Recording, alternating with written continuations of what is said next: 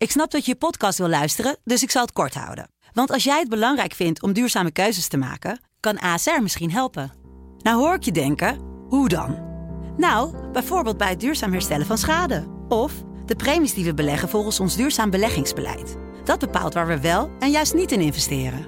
Wil je meer weten over welke duurzame keuzes ASR maakt? Ga dan naar asr.nl slash duurzame keuzes. ASR doet het. Zo, dan kan je nu lekker naar je podcast luisteren.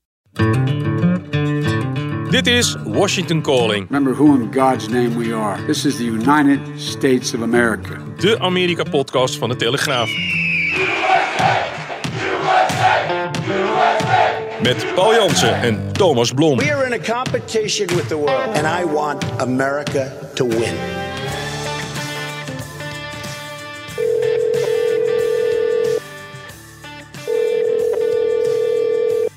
Ah, Paul, goedemorgen.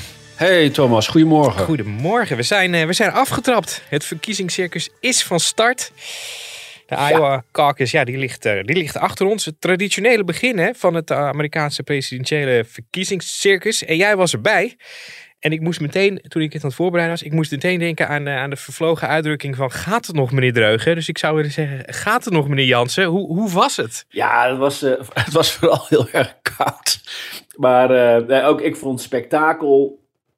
En eh, toch ook wel een, een mooie uiting van een democratisch proces. Dus natuurlijk heel veel te doen over de Amerikaanse verkiezingen en over de polarisatie. Eh, ook in de media vooral heel veel negativiteit. En nou, als je dan zo'n zo'n caucus in Iowa ziet, hè, wat natuurlijk wat afwijkt van de gangbare voorverkiezingen in Amerika, omdat ze hier echt allemaal in die, in die zaaltjes bijeenkomen en dan eh, met elkaar eh, het, het, het debat aangaan en, en daarna gaan stemmen. Vond ik echt wel indrukwekkend om eh, mee te maken. Ik was zelf naar een, een high school in Des Moines geweest, de, de, Brody Junior High School. Om dat is allemaal even met eigen ogen te bewonderen. En ik dacht nog van ja, dan kom ik daar eh, binnen. Ik had eh, de, de Republikeinse Partij in Iowa van tevoren gebeld van joh, hoe zit dat? Moet, moet ik me eigenlijk opgeven? Kan ik daar gewoon binnenlopen? Nee hoor, je, je kan je gewoon melden, is allemaal vrij toegang. Dus ik had eigenlijk een beetje verwacht van nou, dat die mensen mij als, een- als een pottenkijker zouden zien, weet je wel. En zo van, zeker, zeker door ook wat Trump eh, natuurlijk eh, met enige regelmaat Ja. over enemy of the Ja, people. ja, zeker. Dus ik had niet bepaald een warm onthaal verwacht. Had, maar je wel zo'n, eh, had je wel zo'n hoedje op met pers, zo? nee, die had ik maar Oké, even thuis jammer. gelaten. maar ik had wel keurig een, een, een perskaart van de, het State Department Oh, om. Zodat wel duidelijk was eh, waar de vijand in de zaal zich begon, maar, bevond. Maar eh, dat was eh, opmerkelijk hoe vriendelijk de mensen waren. En er was een, een, lokale vertegenwoordiger van de Republikeinse Partij. Die zei nou prima. Er waren nog twee journalisten uit Denemarken. Die ook in die school in, in Des Moines kwamen kijken. En nou, mensen vonden het allemaal goed en, eh, en aardig. En wi- wilden ook graag met, eh, met me praten. En al helemaal toen ze hoorden dat ik uit eh, Nederland kwam. Want ook hier in Des Moines ehm, waren toch wel een aantal mensen met Hollandse roots. Ja, ja. Of zoals een vrouw die zelf oorspronkelijk uit Pella kwam. Dat is zo'n andere Hollands bastion in Iowa dan Orange City, waar ik, waar ik eerder was. Waar we het eh, vorige week over hadden. En die vrouw zei, die zei, ja, we are like rabbits, weet je. dat, is, dat, dat moest dan verklaren waarom er overal Ja, kijk. Amerikanen met Hollandse roots eh, rondlopen. Maar goed, eh, ik heb daar met, met een aantal mensen gesproken, geregistreerde republikeinen, dus die allemaal uit, uit zo'n buurt, want er waren in Des Moines, geloof ik, ruim 60 locaties, waar eh, republikeinse kiezers dan eh, samenkwamen. En overal was het om zeven uur s'avonds begon het debat. En om acht uur moest er gestemd worden. En zo werd dan uiteindelijk de voorverkiezing gehouden. Dus niet in stemhokjes, maar gewoon open en bloot. En dan hadden ze allemaal een strookje gekregen. En er gingen pennen door de zaal. Dan mochten ze na een uur een naam invullen van hun favoriete kandidaat. En nou ja, er waren eh, natuurlijk ook, waar ik was, eh, veel mensen die op Trump Mhm. stemden. Immigratie was weer het, het, het meest gehoorde eh, argument om voor Trump te gaan. heel, heel opmerkelijk. Hè? Lange tijd dacht iedereen het is inflatie, het is de economie. Nee, migratie is nu het thema. Mhm. Zo lijkt het al, althans. Maar er waren toch ook mensen die op Haley stemden, op de Santos. En heel aardig was, ik trof uh, een, een, een, man die met zijn ouders was gekomen. En die zei, ja, wij zijn hier voor het eerst. Want ja, wij waren uh, eigenlijk uh, geregistreerde democraten. En we hebben ons nu als republikeinen oh. geregistreerd om Trump te stoppen. En, oh, om Trump ja, te stoppen? Is, om Trump te stoppen. Ah, en ze ging, gingen daardoor op Haley stemmen. Ja. En um, nou ja, ze zeiden ook van ja, wij vinden Biden te oud. We vinden dat hij niet goed communiceert. Dus ze waren al aan het twijfelen. Maar dat was wel een opmerkelijke motivatie die die mensen hadden om uh, naar, die, naar die avond te gaan. En hoe dat dan op zo'n avond gaat, dan, dan houden de zogeheten surrogates, dus dat zijn zeg maar vertegenwoordigers mm -hmm. van de presidentskandidaten, die houden allemaal een praatje. Dan uh, de, de lokale vertegenwoordiger van de partij, die heeft dan een stopwatch en je hebt dan uh, een paar minuten. En dan mag je voor de zaal, in dit geval de aula in de school, waar ongeveer 200 mensen zaten, mag je voor de zaal vertellen waarom die op jouw kandidaat moet stemmen. Nou ja, iedereen hoort dat, uh, hoort dat aan. Uh, er wordt ook heel veel uh, onderling gesproken. Het is ook een beetje een sociaal uitje, weet je wel. Mensen uit de buurt komen samen, zien elkaar. hey, hoe is het met jou? Uh, ben je met kerst nog weg geweest? En over de kou en de sneeuwval en noem het allemaal maar op.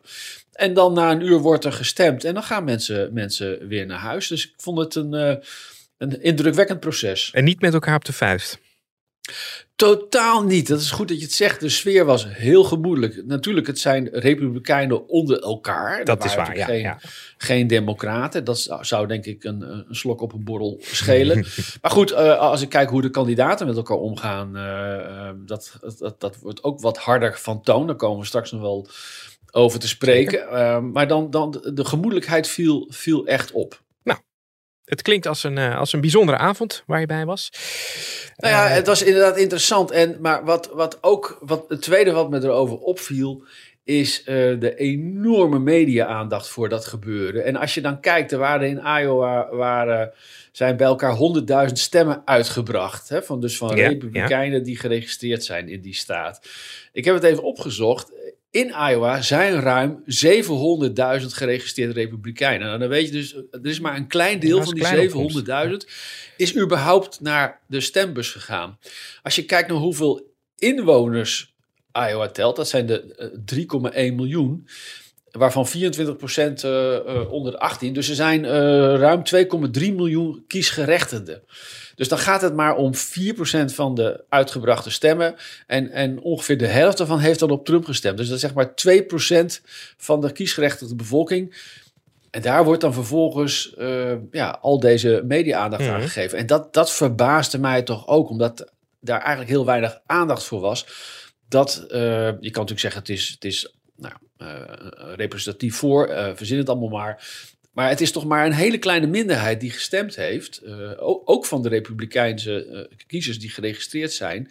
En dat, dat zag je eigenlijk heel weinig terugkomen in de verhalen. Ja, Nee, dat klopt. Dat ging natuurlijk heel erg over, uh, over de uitslag.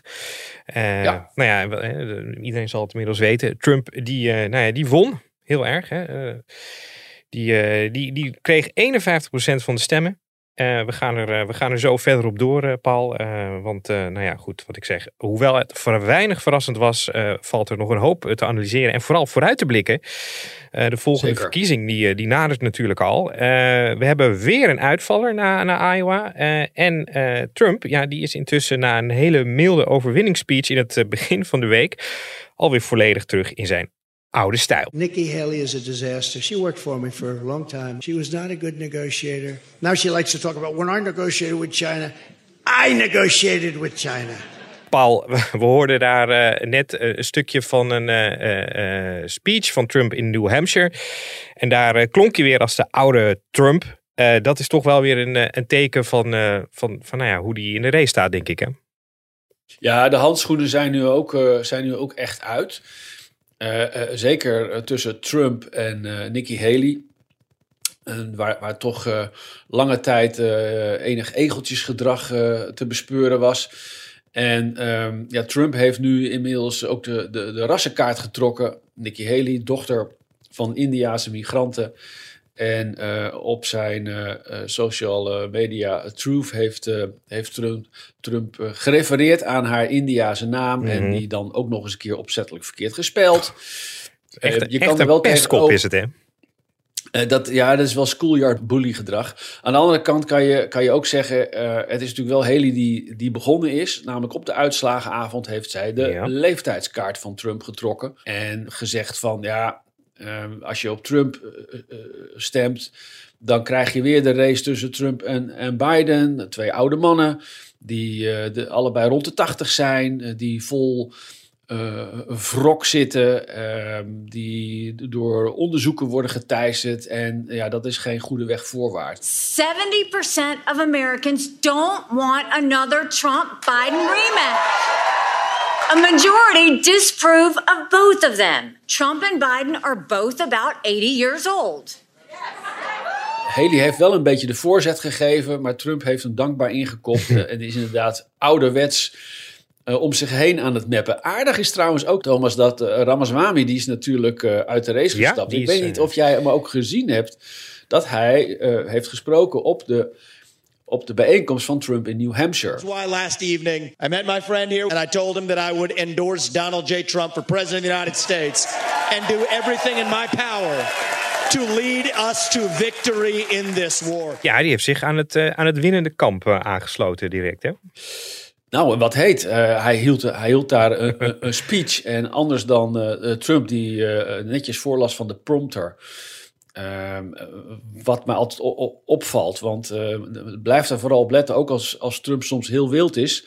Niet zelden leest hij op, dus is- dan is het ook allemaal nog eens bedacht.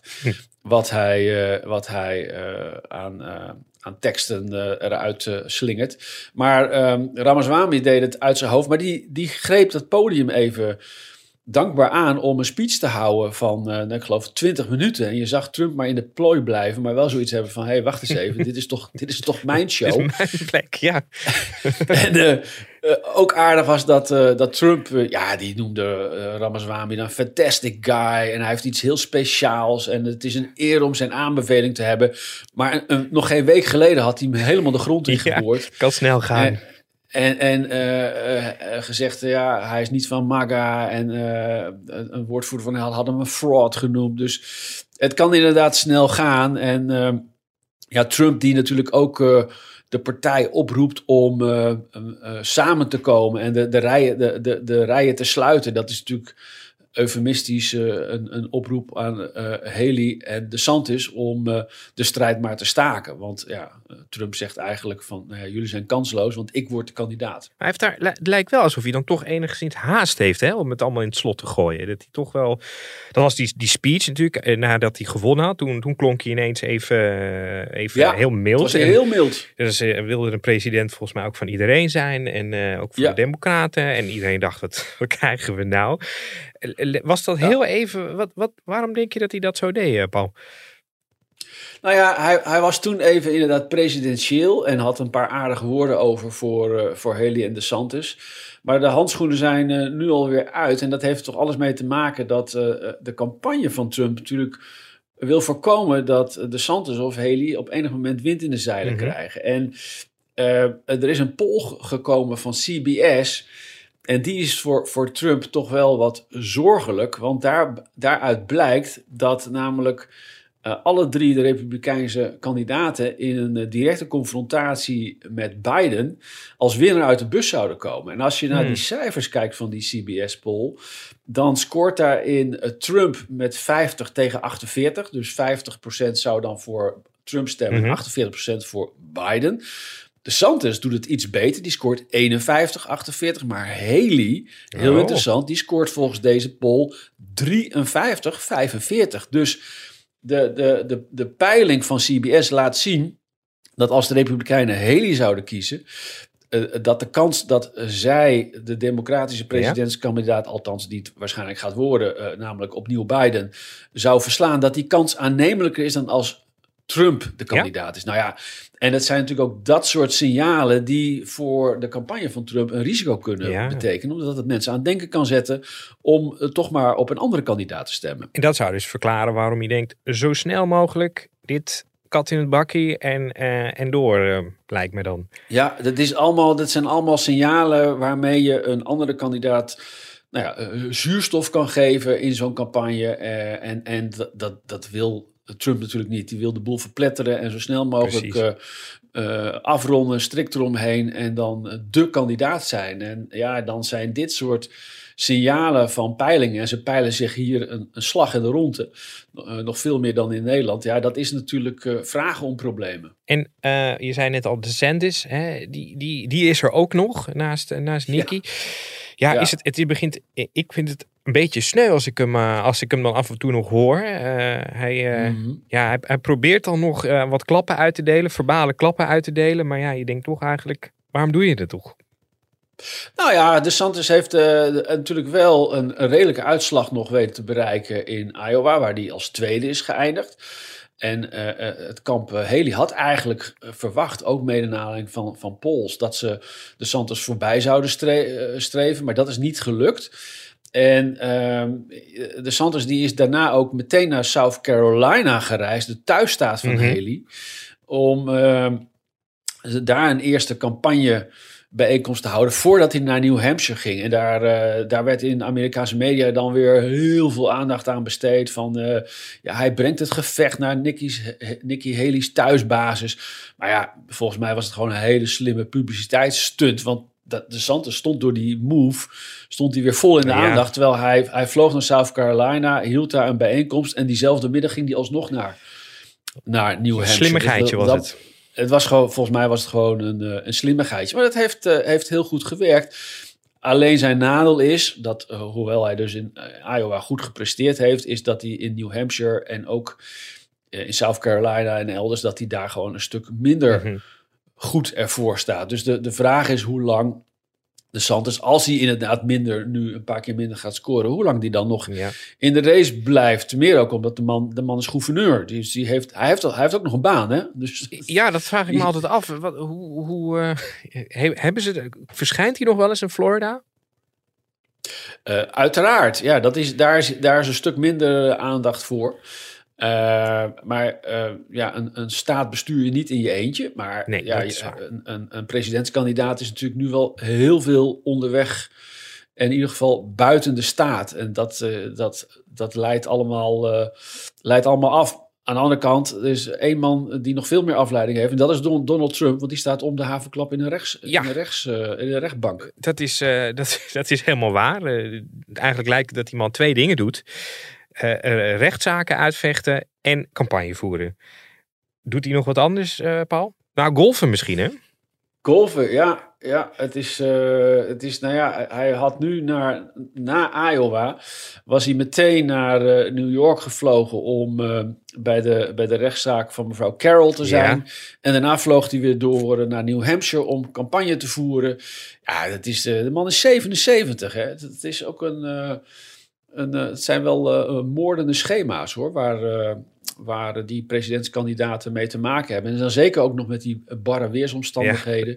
Dus er, er wordt eh, veel van de kandidaten gevraagd. Ja, Paul, eh, je, je zei net eh Gene Carroll. eh, dat, ja, dat was ook wel weer vuurwerk, hè? Ja, op, eh, opnieuw een rechtszaak.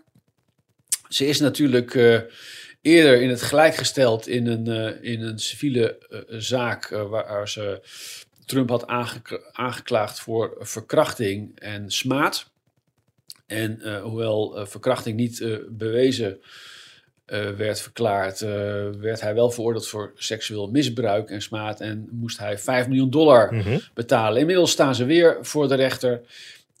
Nu eist mevrouw Carroll het dubbele, eh, omdat eh, Trump zich laatdunkend heeft uitgelaten. Dat gaat al over, over uitspraken uit 2019 trouwens. Mhm. Ik wil eh, opmerken toen hij president was. En nou, dat zijn de bekende uitspraken van Trump. Waarin hij zei eh, van ik, ik, ik, ik ken haar niet, eh, ik heb haar nooit ontmoet, laat staan aan haar gezeten. En ik val ook niet op haar, op dat soort vrouwen. Niet mijn wel. type, toch? Eh, Had hij gezegd? dat, dat type inderdaad. En hij had ook, ook gezegd dat het een publiciteitsstunt was, omdat ze een boek wilde verkopen. Want mevrouw Carroll kwam in, in 2019 met, met een boek waarin zij deze onthulling ook als eerste had gedaan. Nou goed, die rechtszaak in, eh, in New York. Eh, ja, dat was natuurlijk weer, eh, weer vuurwerk. Trump die, die ging meteen los. Noemde het allemaal fake aantijgingen en, en een heksenjacht. En hij was tijdens de zitting was hij zelfs zo luidruchtig dat de rechter dreigde hem de zaal uit te zetten als hij niet zijn mond zou, zou houden. En, maar die rechter die had toch wel een beetje in de gaten welk spel er werd gespeeld. Want die zei, zei ook tegen Trump van ja, maar volgens mij bent u daar ook een beetje op aan. Ah, aan je het doet het erom. En, eh, u doet het erom. Ja. U zou het wel heel fijn vinden als ik u eruit gooi. Niet waar, meneer Trump? Toen zei Trump, I would love that. Weet je wel. Dus het is, ja... Dat, dat, Ja, dan was hij natuurlijk weer, de eh, martelaar geweest als hij daar naar buiten was gegaan, denk ik. Hè? Precies, precies. En eh, hij houdt vol dat hij Carol nooit heeft ontmoet. eh, hoewel er eh, nu ook weer in de media foto, een foto opduikt uit, eh, ik geloof, de jaren negentig, eh, waarin eh, hij met haar staat. Maar hij houdt vol, ik heb haar nooit ontmoet laten staan. Aangeraakt. Wel aardig is, de, was de juryselectie. Want ja, er moet voor zo'n zaak ook weer een nieuwe jury komen. En meerdere beoogde juryleden, ja, die vonden de juridische acties ook een heksenjacht. Eh, en eentje had zelfs gezegd dat de zegen van eh, Biden in 2020 eh, gestolen Oh. was. Dus, en andere had een zakelijke relatie met Ivanka Trump. Dus nou ja, eh, zo zie je, er, er spelen allerlei zaken hier doorheen. En eh, ja, dat is bij zo'n bij zo'n jury-selectie altijd eh, interessant. Ja, maar die moeten dan weer- afspiegeling van de samenleving heet dat. Maar moeten die dan weer, die moeten dan vervangen worden, denk ik, toch? Of, Ja, eh, ja, want je kan, nou ja, vervangen, het is eh, jury-selectie. Hè? Dus dan, kan, eh, dan kunnen beide partijen in zo'n, in zo'n, eh, in zo'n rechtszaak, die kunnen dan bezwaar aantekenen ja. tegen een voorgestelde, eh, voorgesteld jurylid. En dan eh, wordt die afgeserveerd. Nou ja, dat is in dit geval eh, ook gebeurd. en over afserveren gesproken, dat is een mooi bruggetje. Naar Georgia, naar die andere rechtszaak van, eh, van Donald Trump. Ja, Wat, jeetje. wat, wat was daar nou weer aan de hand? Ja, dat is, dat is ook wel heel interessant hoor. Dat gaat om, eh, om een, een zaak rond aanklager Fanny Willis. Dat is de openbaar aanklager in, in Georgia. En die heeft natuurlijk op deze zaak tegen Trump, dat is een strafzaak, heeft ze een team aanklagers gezet. En in dat team zitten ook drie advocaten die extern zijn ingehuurd. En een van die drie ingehuurde advocaten, dat is eh, meneer Nathan Wade. Mhm. Eh, Daarvan wordt in eh, media nu geschreven op basis van rechtbankstukken die door een medeverdachte van Trump zijn ingebracht. Als je, als je me nog kan Heel volgen. ja.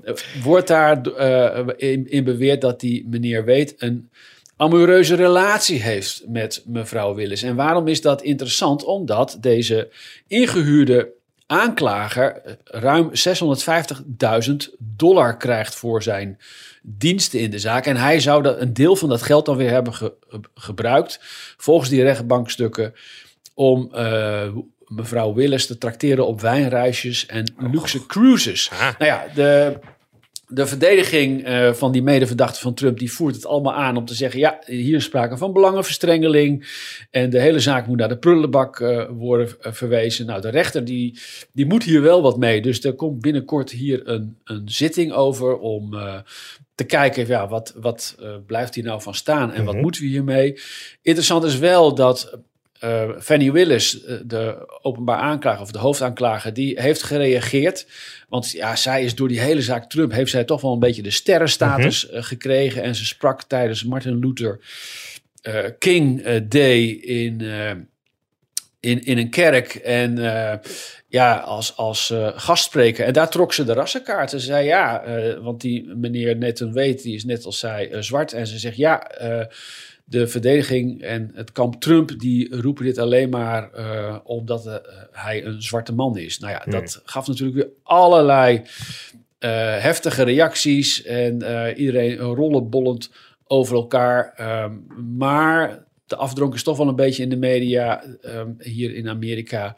Dat journalisten zeggen, ja, maar mevrouw Willis die heeft het niet ontkend. Dus eh, ja, we zullen zien waar dit, eh, waar dit allemaal eh, naartoe leidt. Maar het feit dat zij niet heeft ontkend dat die A, die relatie er is. En B, dat daarmee ook zij met een deel van dat geld gezellige dingen doen. Eh, de sugge- suggestie dus van belangenverstrengeling. Zij is daar niet inhoudelijk op ingegaan. En daarmee wordt die zaak alleen maar sterker. Ik heb geen idee waar het heen gaat. Experts zeggen tegelijkertijd wel van ja, eh, ook al eh, is dit allemaal, zou dit allemaal bewezen worden, dan nog is het natuurlijk geen, geen reden om de zaak naar de prullen, prullenman te Nee, verwijzen. want, en nog heel even kort, die zaak in Georgia, waar draaide die ook alweer om? Ja, dat is goed. Dat zou je dan bijna Goed dat je het vergeten. aangeeft. Eh, weet je, zo langzamerhand raak je het spoor ook Ja, wel een beetje bijster met al die, al die zaken.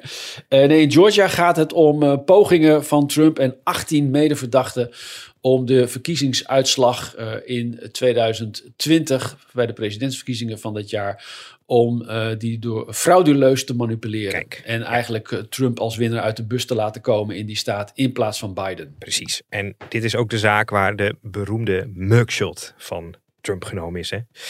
De Zeker, foto. ja. Ja, dat is voor de volledigheid. Dan nog een heel iets anders, Paul. Messi. Die ben jij gaan opzoeken in... eh, of tenminste, je bent zijn team gaan opzoeken. in, Ja, hij stond bij de vliegtuigtrap te wachten. Ja, ah, meneer Jansen. Eh, Eindelijk. Die, Messi die, eh, die was niet zo blij. Hè? Toen, jij, eh, toen jij vertrok uit Miami, toen was hij niet zo blij. En eh, daar komt misschien verandering in. Ja, we moeten het even over hebben, omdat het, het, het nieuws is dat eh, Luis Suarez, ooit Ajax, ooit Liverpool, ooit Barcelona. En het laatste jaar voetbalde die in Brazilië bij eh, Gremio. Eh, en eh, daar is hij gestopt omdat hij, zoals hij, hij zelf zei, zijn lijf het niveau niet meer aankon. Mhm. Hij had last van een slepende knieblessure. Dus er waren toen al wel wat geruchten dat hij met Messi zou gaan ballen weer. Maar er werd toen eigenlijk door hemzelf al gezegd: ja, ik, ik moet gewoon stoppen, want ik kan het fysiek niet meer aan. Ja, en, en ze waren goede de- vrienden, hè Paul? Dat was natuurlijk Ze wel- waren hele goede waren- vrienden in, in Barcelona. En belangrijker nog, hun, hun partners, hun vrouwen waren ook zeer, zeer goed bevriend.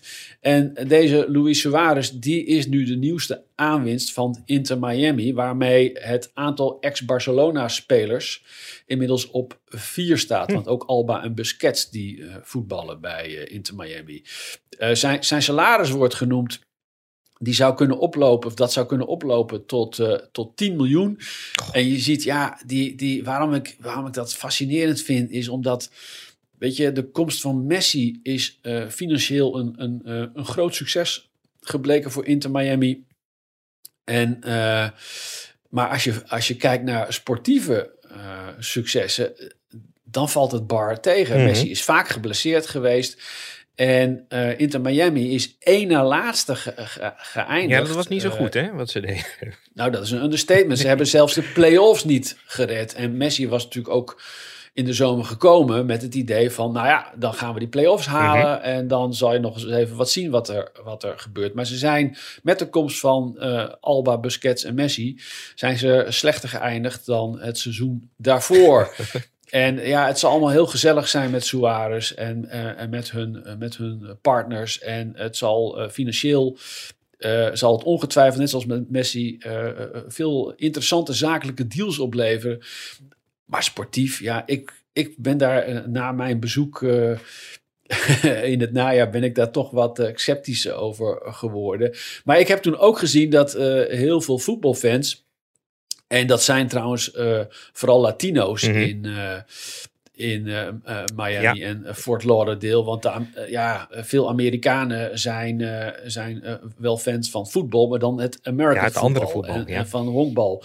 Maar ehm, veel Amerikanen met een Latino-achtergrond, ja, die zijn meer van het soccer. Mhm. Dus ik, ik, ik, ik moet nog zien wat het sportief oplevert. Maar mensen zullen vast weer de portemonnee trekken. En de prijzen daarvoor kaartjes en voor merchandise eh, zijn waanzinnig. Het is, het is eh, ja, je, je wordt daar compleet leeggetrokken. Nou, de, de, de, de directeur van Inter Miami, eh, Beckham, David Beckham, die zal vooral blij zijn, denk ik, dat de kassa rinkelt. Ja, en wel hulde voor David Beckham, want hij heeft daar toch een, iets, iets neergezet wat A, heel veel aandacht, media-aandacht krijgt en wat financieel eh, het goed doet. Maar net zoals eh, hij zelf, eh, hij voetbalde in zijn nadagen nog, ik geloof bij de LA Galaxy, Ja, als ik me dat niet klopt. Ja, ja, vergis. zeker. Eh, en dat was ook vooral een financieel succes, maar sportief ook niet, Nee. zo, eh, niet zo geslaagd. Nou, we zullen zien eh, of, of dat hier eh, uiteindelijk anders zou worden. Maar ik vermoed zomaar ook gezien de uitspraken van Suarez zelf. Van ja, eh, mijn lijf kan het niveau niet meer aan. Ja, je, A, je komt toch niet naar Inter Miami om uit te rusten. En B, het zit er dik in dat eh, Suarez, net zoals Messi, vaker langs de zijlijn Ja. staat met een blessure. eh, dan dat hij in het veld staat. En tegelijkertijd heeft Suarez ook aangegeven dat hij wel voor zijn nationale elftal wil blijven uitkomen. En dat was nou net, merkte ik tijdens mijn bezoek aan Inter Miami, een grote frustratie bij fans die soms van heine ver Ach, kwamen ja. om Messi in actie te zien. Maar die deed dan weer eens niet mee met een blessure. Maar speelde drie dagen later of drie dagen daarvoor eh, wel met het eh, Argentijnse elftal. En ja, dat vinden mensen toch daar, niet daar heel knap je heel erg van op, hè? Van dat eh, nationale elftal shirt. Zo. Ja, Messi wel, maar Ja. niet als je als fan een, eh, je portemonnee trekt Nee. om eh, een dure Nee. reis en tickets eh, te kopen. Nou, gelukkig hebben ze de foto's nog.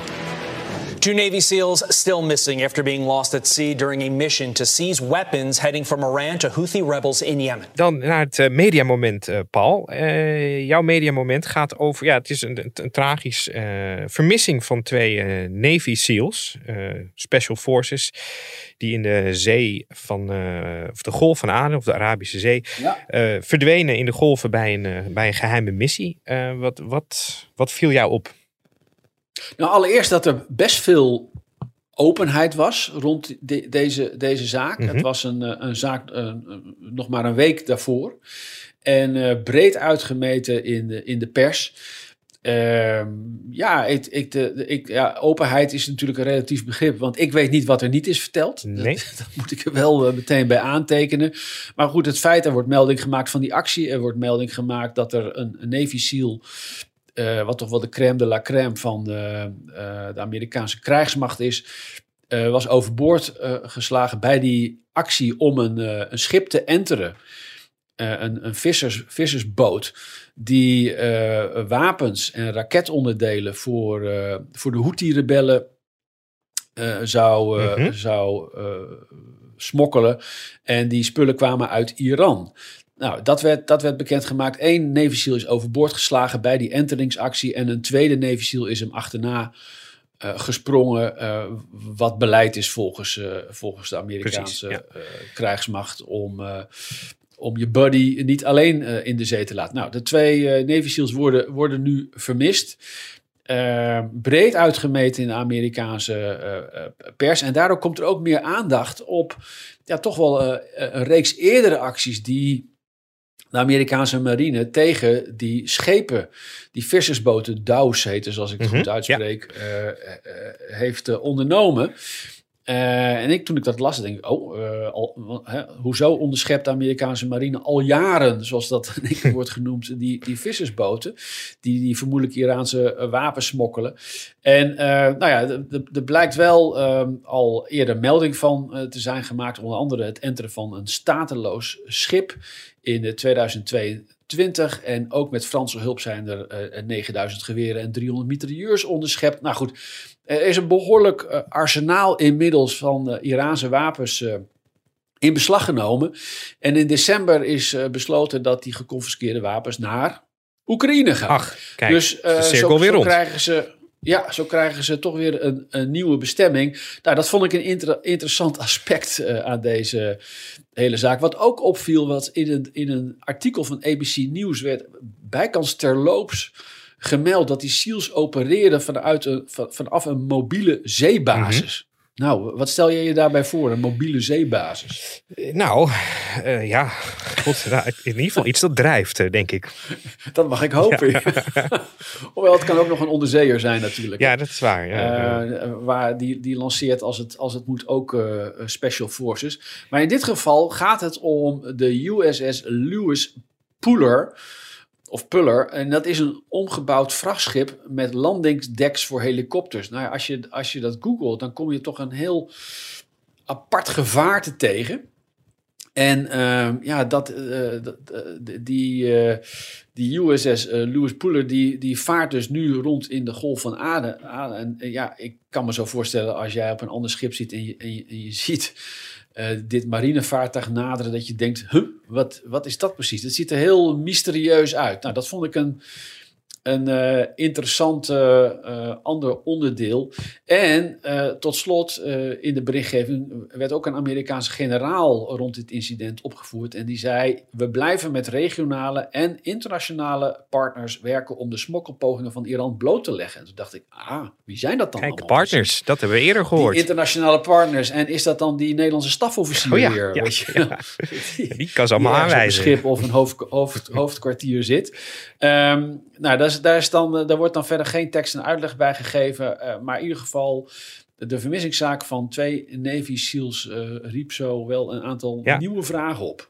Ja, het is, nou ja, goed. Het is een, eh, het is een fascinerende, fas- fascinerend team, vind ik altijd.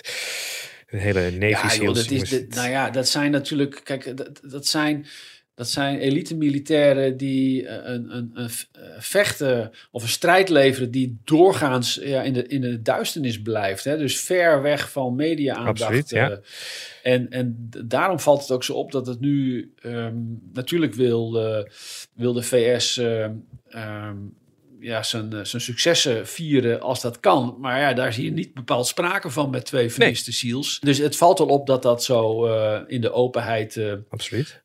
bekend wordt gemaakt en, en, wordt, en wordt gedeeld.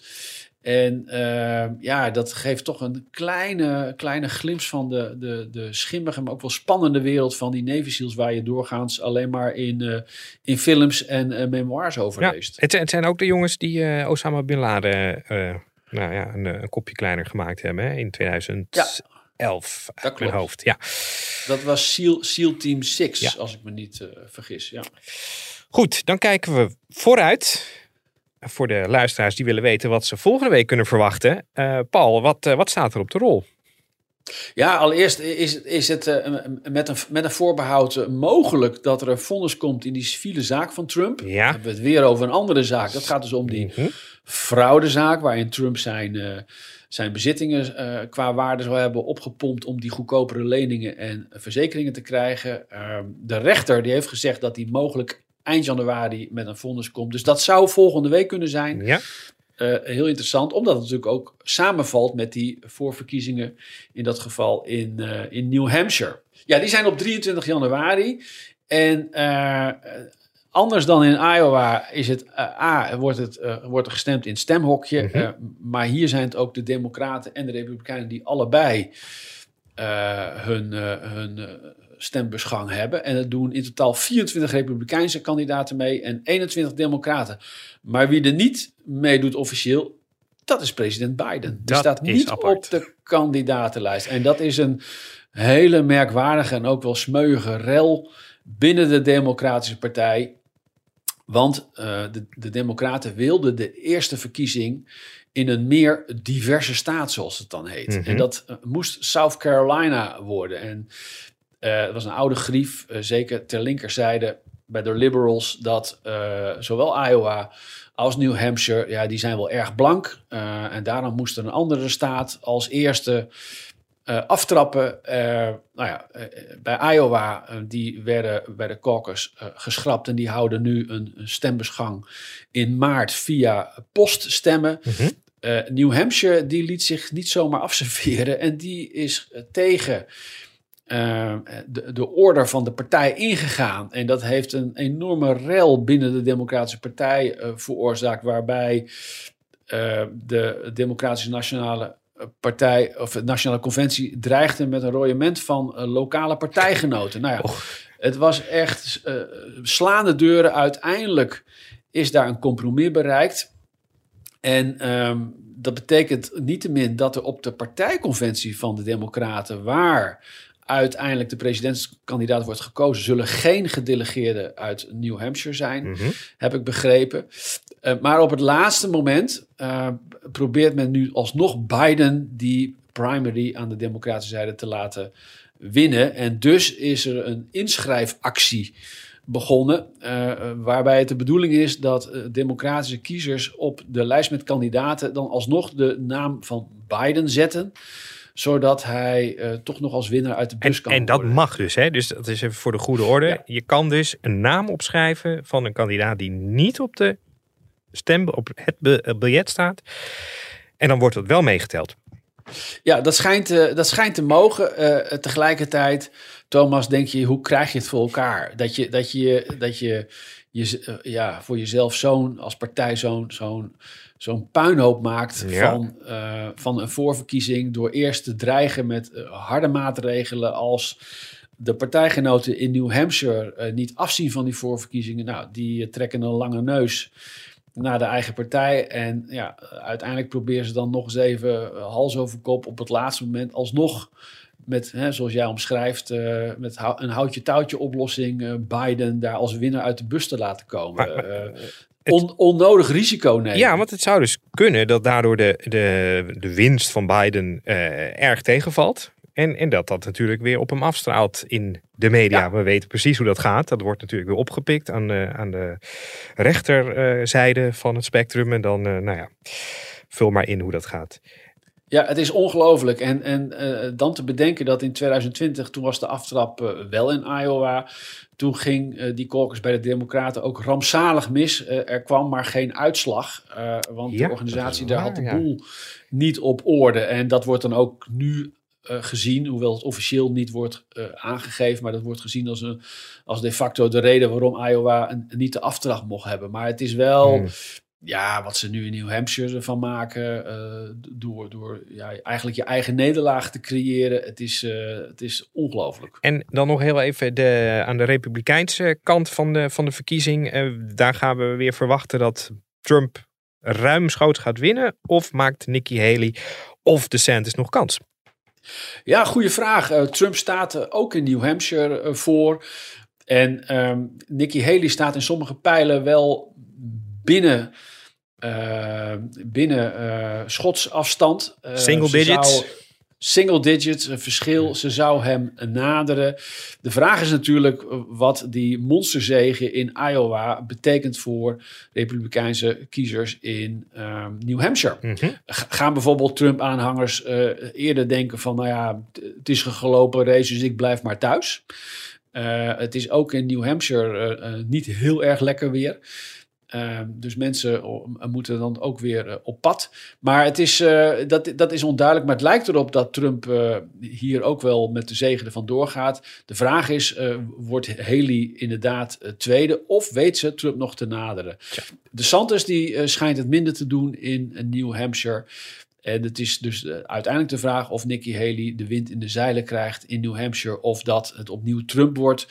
Ja, en dan is het, als het die uitslag weer een monsterzege is, dan zou je al heel vroeg in het verkiezingsseizoen eh, kunnen denken: het is een gelopen Precies. race.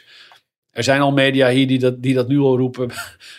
bij bij eh, CNBC eh, was een, eh, een analist die zei: joh, dit is één grote farce bij de Republikeinen. We zijn hier getuigen van de kroning van Trump. Ja, ik vond eh, ik vond het zuur en mooi tegelijk. De- ja, nou ja, het, eh, het is, eh, komt redelijk in de buurt van de waarheid, eh, als je het mij vraagt.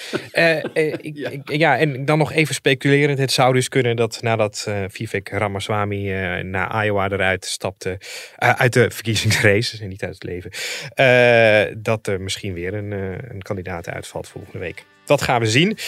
Goed, luisteraars bedankt. Paul, bedankt. Eh, abonneren op deze podcast, dat kan je in je favoriete podcast app. Doe dat vooral en dan horen jullie ons volgende week weer. Paul, bedankt en eh, tot volgende week. Tot volgende week.